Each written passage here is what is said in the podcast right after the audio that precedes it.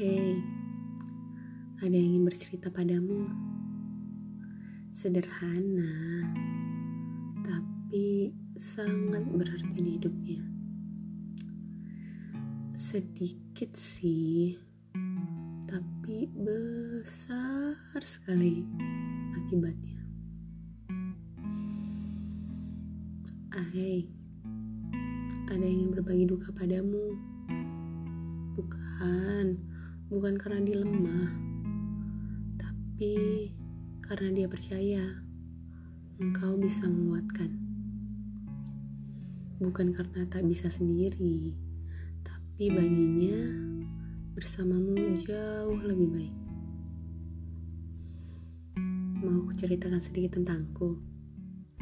Atau kau sajalah yang menceritakan dengan versimu?